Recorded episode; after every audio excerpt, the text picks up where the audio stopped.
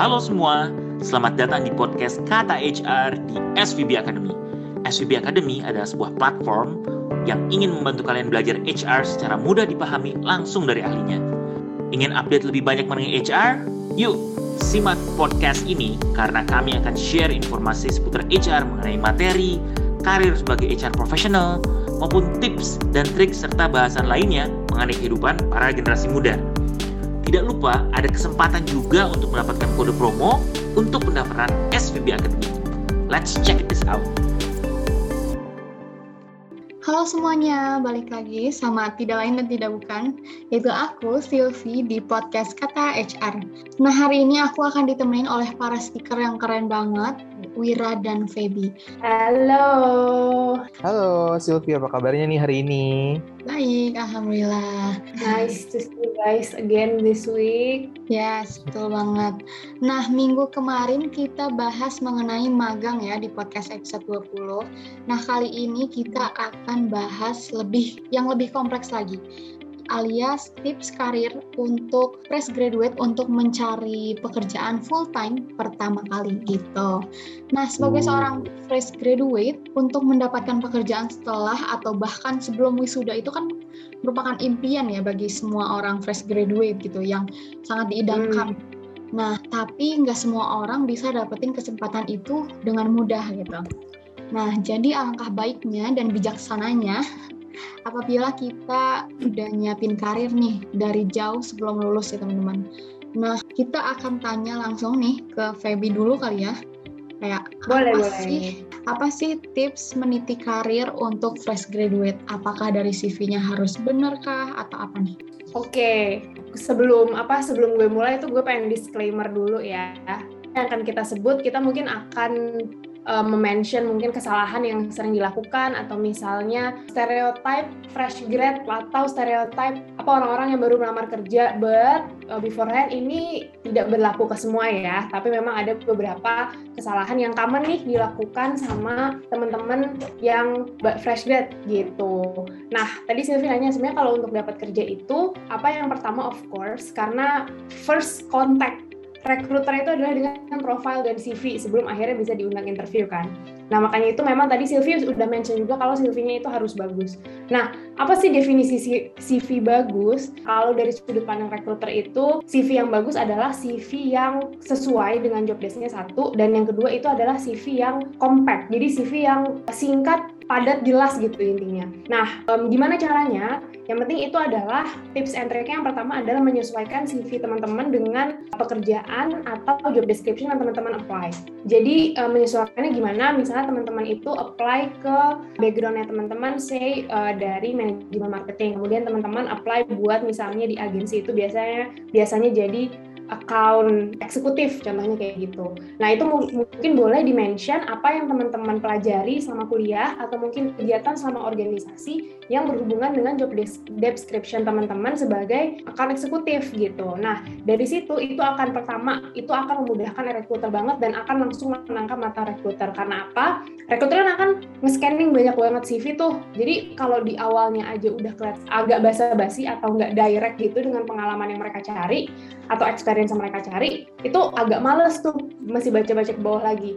Nah tapi kalau di awalnya aja udah eye catching jadi misalnya pengalaman organisasi melakukan ini gitu nah itu kan recruiter langsung oh dia align nih dengan posisi yang lagi open di kita sekarang gitu dengan job description uh, dengan job description posisi yang kita cari gitu. Nah, itu menurutku sih salah satu tips untuk uh, eh, CV yang baik dan juga yang singkat padat dan jelas lah intinya kayak gitu. Nah, sayangnya memang pada umumnya masih banyak teman-teman nih uh, fresh graduate yang membuat CV-nya atau penyusunan CV-nya itu kurang sesuai dengan pekerjaan yang di-apply. Kadang-kadang kan pasti teman-teman oke okay, CV-nya satu apply ke misalnya 10 pekerjaan atau mungkin even more than that gitu sementara CV-nya satu. Nah, padahal sebenarnya untuk meningkatkan chance keterima di posisi tersebut lebih baik kalau teman-teman bisa nih lah CV teman-teman sesuai dengan posisi yang teman-teman apply gitu. Oke, okay. kalau misalkan dari selain CV gitu, apa lagi kak? Hmm, Selain CV ya, oke. Okay. Selain CV itu menurutku networking networking itu lebih ke arah jadi gini kan kita biasanya memang mencari pekerjaan itu dari dari job platform ya yang common gitu which itu memang pada umum kebanyakan orang memang mendapatkan pekerjaan dari platform tersebut. Itu sebenarnya nggak nggak salah juga. Nah akan lebih baik atau akan lebih meningkatkan chance teman-teman untuk dapat kerja adalah ketika teman-teman punya network atau punya kenalan dari komunitas tertentu atau orang-orang yang punya pekerjaan yang sama kayak gitu. Nah ketika teman-teman tergabung dalam komunitas tersebut atau punya koneksi dengan orang-orang dalam dalam komunitas tersebut, pasti kalau ada informasi di situ teman-teman juga akan dapat gitu. Contohnya nih kalau di kita kan ada SWB Academy ya. Nah, di situ kan kita mau punya satu grup SVB Academy alumni lah, intinya adalah orang-orang yang memang sudah pernah ikut program kita dan juga tertarik dengan HR. Nah, di situ banyak nih teman-teman kita yang sudah alumni SVB Academy itu sharing lowongan kerja yang mereka dapat, lowongan kerja tentang HR seperti itu. Nah, di situ kan teman-teman kemudian dapat informasinya bukan justru dari networking atau dari kenalan teman-teman. Nah, itu menurutku membuka lebih banyak pintu aja sih buat teman-teman untuk landing a job rather than lihat dari job uh, job portal gitu. Atau lebih bagus lagi kalau misalnya networking teman-teman cukup baik, kalau misalnya ada opportunity teman-teman bisa langsung bertanya atau misalnya mencari informasi, menggali informasi lebih jauh mengenai rekrutmen atau posisi yang dibuka tersebut ke kenalan atau network teman-teman kayak gitu. Oke, jadi network itu penting banget ya untuk kita mencari informasi gitu ya lebih dalam yes. mengenai perusahaan-perusahaan yang mau kita tuju gitu. Oke, okay. yes. kalau misalkan dari Wira gimana nih Wira? Oke, okay. nah uh, aku mungkin mau sedikit memberikan informasi yang komplementer gitu, ya, yang melengkapi mungkin apa yang dari Samebi gitu ya. Kalau tadi Feby mungkin lebih ke arah teknisnya ya, mungkin di mana kita bisa mendapatkan informasi, di mana kita apply, terus habis itu untuk di CV gitu ya, kita harus menyiapkan seperti apa sih gitu ya untuk menarik perhatian rekruter. Kalau aku mungkin ingin memberikan informasi dari segi perencanaannya nih teman-teman gitu ya. Jadi yang paling penting adalah tentunya kita saat mencari pekerjaan pertama gitu ya, it's a big deal mungkin gitu ya. Kayak uh, this is our first job after college gitu ya. Kita pastinya juga ingin mencari sesuatu yang bisa memberikan pengembangan profesional nih buat kita semua tentunya. Untuk mendapatkan kesempatan yang seperti itu teman-teman pastinya juga harus tahu dong apa arah karir yang akan kita bangun itu ke mana sih sebetulnya gitu jadi pastikan pada saat teman-teman mencari pekerjaan, teman-teman itu udah mendapatkan, udah punya gambaran gitu ya. Kira-kira mau ke arah mana nih karirnya. Misalnya mau ke HR, oke okay, kita ke HR, tapi HR itu juga divisi ada banyak nih. Apakah mau di talent acquisition, apakah mau di learning, apakah mau di performance management, compensation and benefit, dan lain-lain kayak gitu. Begitu juga aku yakin dengan bidang-bidang karir lainnya gitu ya. Misalnya mau di manufacturing, oke okay, apakah mau di production, apakah mau di marketing, mau di sales, mau di supply chain, dan lain-lain lain kayak gitu. Itu menurutku penting karena itu juga bisa menentukan orientasi kita pada saat mencari uh, informasi nih untuk pekerjaan-pekerjaan tersebut gitu ya. Misalnya mau cari informasi mengenai pekerjaan manufacturing mungkin ada beberapa channel yang berbeda gitu ya. Misalnya di LinkedIn uh, ada beberapa orang yang recruiter yang memang specifically bekerja di perusahaan manufacturing kayak gitu. Itu jadi bisa membantu kita juga arah pencarian kita itu ke mana kayak gitu. Jadi direncanakan dan yang kedua adalah try to make it as if it is a strategic decision gitu. Jadi seperti yang tadi aku sempat sampaikan dan juga Feby juga sempat sampaikan, karir pertama apa pekerjaan pertama itu uh, punya implikasi yang cukup signifikan gitu ya terhadap rencana ke depannya seperti apa. Gitu mungkin akan berubah gitu ya rencana yang kita punya sekarang dan mungkin tiga tiga tahun mendatang gitu ya. Tapi still we have to be uh, apa namanya prepare kayak gitu. Jadi misalnya kita mencari pekerjaan dengan spesifik gitu ya. Oke misalnya aku maunya ke manufacturing aku maunya di supply chain. Oke kita carilah let's aim high kayak gitu. Kita carilah perusahaan-perusahaan yang memang apa namanya memiliki bidang yang relevan, memiliki pengembangan karyawan yang baik gitu ya. Dan juga kalau misalnya memang bisa gitu ya, kita mencari perusahaan yang suportif gitu ya terhadap karyawan-karyawannya gitu ya. Karena dengan perusahaan yang seperti itu kesempatan kita mengembangkan diri, mengembangkan kompetensi secara profesional akan lebih besar tentunya selain mendapatkan pengalaman kerja gitu sih mungkin dari aku. Setuju banget sama Wira. Jadi justru sebelum cari kerja tuh kita mesti tahu dulu nih kita maunya tuh apa sih gitu ya. Menarik sini. Iya, boleh, boleh. Oke, mungkin banyak orang yang mengalami liku-liku saat melamar kerja dan pada akhirnya mereka gagal gitu untuk memperoleh pekerjaan dan perusahaan yang diinginkan. Nah, untuk mencegah hal-hal yang kita tidak inginkan itu, kita perlu tahu juga nih apa aja kesalahan yang bisa dijadikan pelajaran untuk fresh graduate. Nah, Oke, kita langsung aja tanya rekruternya kali ya, yang udah berpengalaman jadi rekruter. Gimana nih kira-kira kesalahan apa aja sih yang biasanya dilakukan oleh para fresh graduate? Oke, ini kita membahas kesalahan umum ya. Sekali lagi disclaimer tadi seperti yang disampaikan Feby, ini bukan bermaksud untuk gimana-gimana gitu ya. Cuma maksudnya ini sharing aja kepada teman-teman bahwa hey this is cases yang pernah temuin nih dan supaya teman-teman juga jangan mengulang kesalahan yang sama dengan teman-teman yang lain kayak gitu. Oke, salah satu yang pernah sering aku temukan adalah waktu itu aku pernah mengadakan rekrutmen di mana kandidat itu mengirimkan CV-nya via email kayak gitu. Nah, yang jangan dilakukan adalah kalian mengirimkan email cuman attach CV kasih email recruiter terus habis itu send kayak gitu. Jadi nggak ada subjeknya nggak ada isi emailnya seperti apa kayak gitu. Itu menurutku itu bisa bikin bad first impression sih kepada recruiter gitu ya. Karena pasti mereka akan mempertanyakan niat nggak sih mengirimkan lamaran? gitu ya. Karena ya benar-benar email kosong, subjek kosong, cuman ada CV doang gitu ya. Kalau dari aku tipsnya adalah minimal sampaikan greetings gitu ya di dalam badan email. Misalnya, selamat pagi Bapak atau Ibu siapa rekruter di perusahaan ini di tempat gitu ya. Perkenalkan nama saya siapa, saya dari universitas apa, lulusan apa, melihat informasi pekerjaan untuk posisi apa uh, melalui mana gitu ya. Saya misalnya saya melihat pekerja, posisi pekerjaan untuk rekruter intern di misalnya PT ABC melalui LinkedIn kayak. Gitu. Jadi at least itu minimal gitu dan tentunya terima kasih gitu ya dan uh, updating lah itu minimal kayak gitu. Kalau misalnya teman-teman mau menyampaikan pengalaman atau misalnya mau buat cover letter di badan email itu juga boleh banget kayak gitu. Dan kalau untuk subjek biasanya kalau misalnya rekruter yang menggunakan email itu pasti mereka akan meminta kandidatnya untuk men mencantumkan subjek tertentu. Misalnya rekrutmen SDM, rekruter intern PT ABC gitu. Misalnya kan suka ada tuh ya rekruter yang mencantumkan subjek.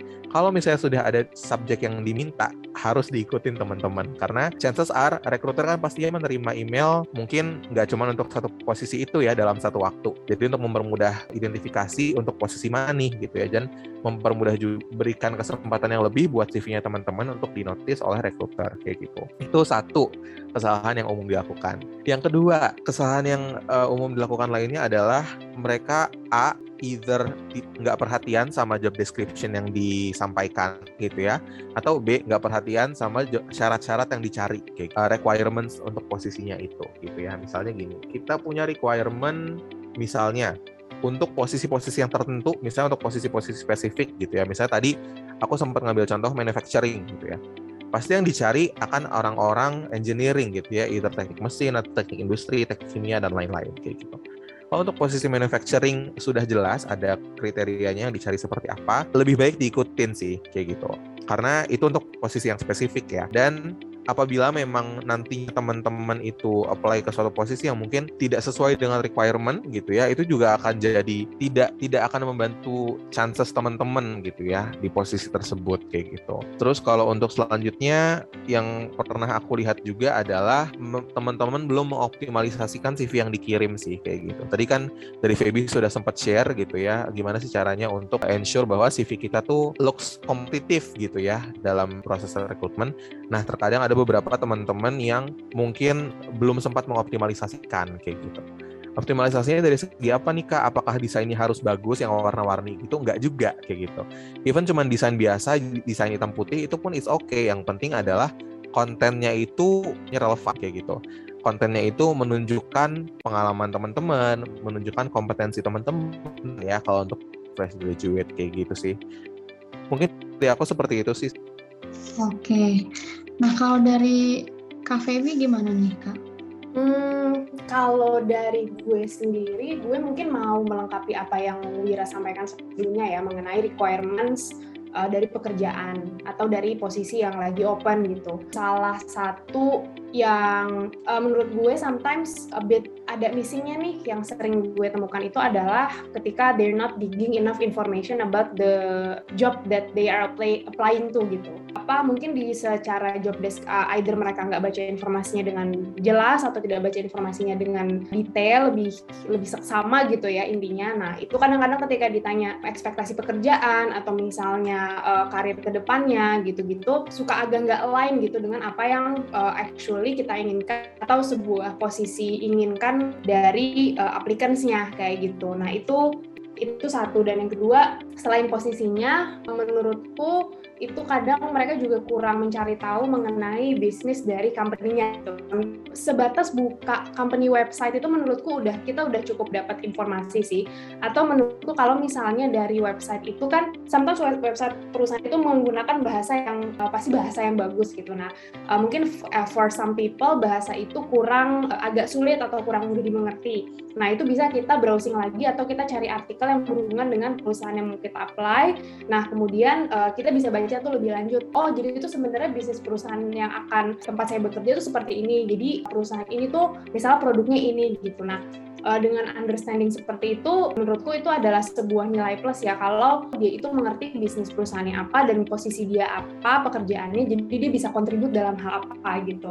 Nah itu menurutku nilai plus banget tapi sayangnya memang karena fresh graduate itu sometimes fresh graduate itu agak miss untuk lebih mendalam lebih mendalami actual pekerjaannya tuh uh, seperti apa dan juga profil dari perusahaannya atau lebih ke bisnis perusahaannya gitu. Dan apa ya mungkin salah satu kesalahan yang paling sering gue denger bisa dibilang itu adalah biasanya anak fresh graduate tuh gitu. Karena menurut gue maklum karena gue pernah jadi fresh graduate dan gue pernah mengalami stage itu gitu. Di mana gue mau masuk kerjaan pokoknya yang kayak gini di sini gitu.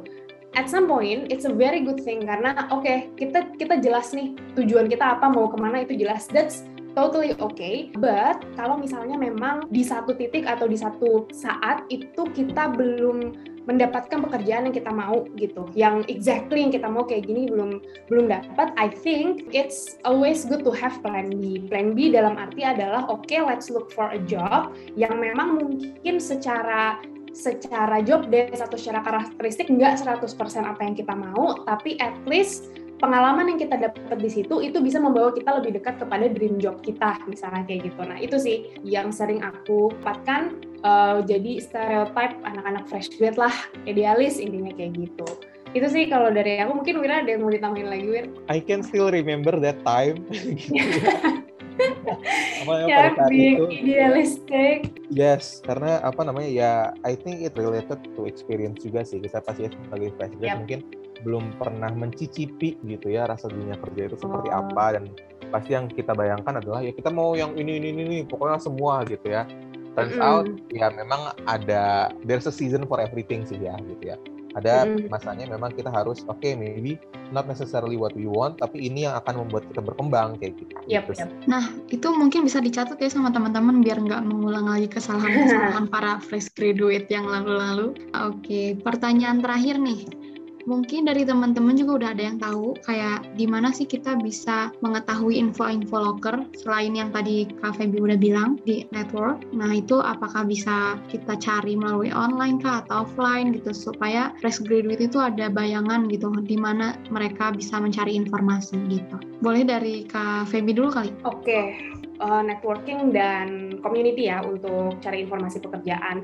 dan uh, menurutku there's there are countless there are countless platform juga yang bisa menghubungkan kita dengan apa namanya pekerjaan-pekerjaan yang memang kita mau. Nah, salah satunya itu uh, opsi selain networking itu adalah teman-teman kalau misalnya sudah rajin browsing nih, rajin browsing itu pasti teman-teman bisa mencari nih courses atau misalnya semacam service untuk apa ya service untuk melihat minat bakat lah contohnya gitu atau misalnya online course untuk yang kemudian bisa menghubungkan teman-teman dengan uh, user langsung atau dengan perusahaan secara langsung gitu. Nah itu akan ngekat a lot of time of course dan juga a lot of proses sih gitu dari proses teman-teman belajar sampai teman-teman akhirnya diterima di perusahaan.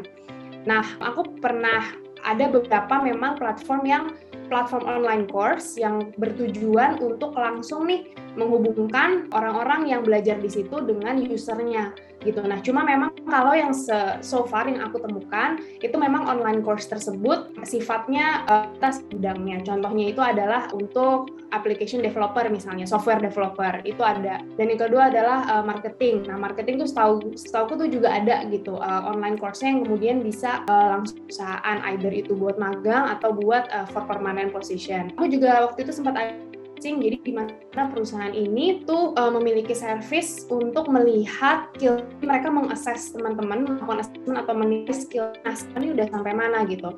Nah kemudian profiling tersebut mereka pada perusahaan yang sedang mencari posisi juga. Nah ini juga menurutku satu opportunity yang bagus juga sih. Di mana teman-teman tahu nih di assess skillnya, jadi teman-teman tahu punya kemampuan atau soft skill apa aja kemudian teman-teman diberi kesempatannya untuk uh, bisa apply di perusahaan yang bekerja sama dengan uh, jasa atau service tersebut.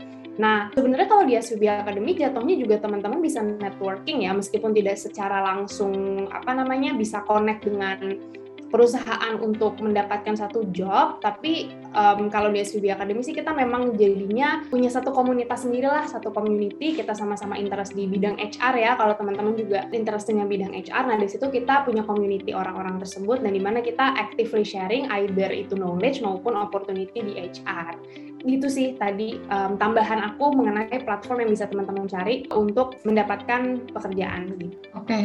kalau misalkan dari Wira ada tambahan nggak? Kalau dari aku mungkin selain dari platform yang common ya, memang networking is very important sih. Even kalau tadi mungkin dari PB kan ada, saya kira ikut SPB Academy, ada grup alumni-nya gitu ya. Atau misalnya ada apa namanya grup-grup yang serupa lah di media sosial gitu di LinkedIn atau misalnya mungkin komunitas-komunitas yang satu interest atau satu bidang pekerjaan gitu. Kalau aku sih mungkin ini ini tips yang aku dapat dari pengalaman juga sih sebetulnya ya.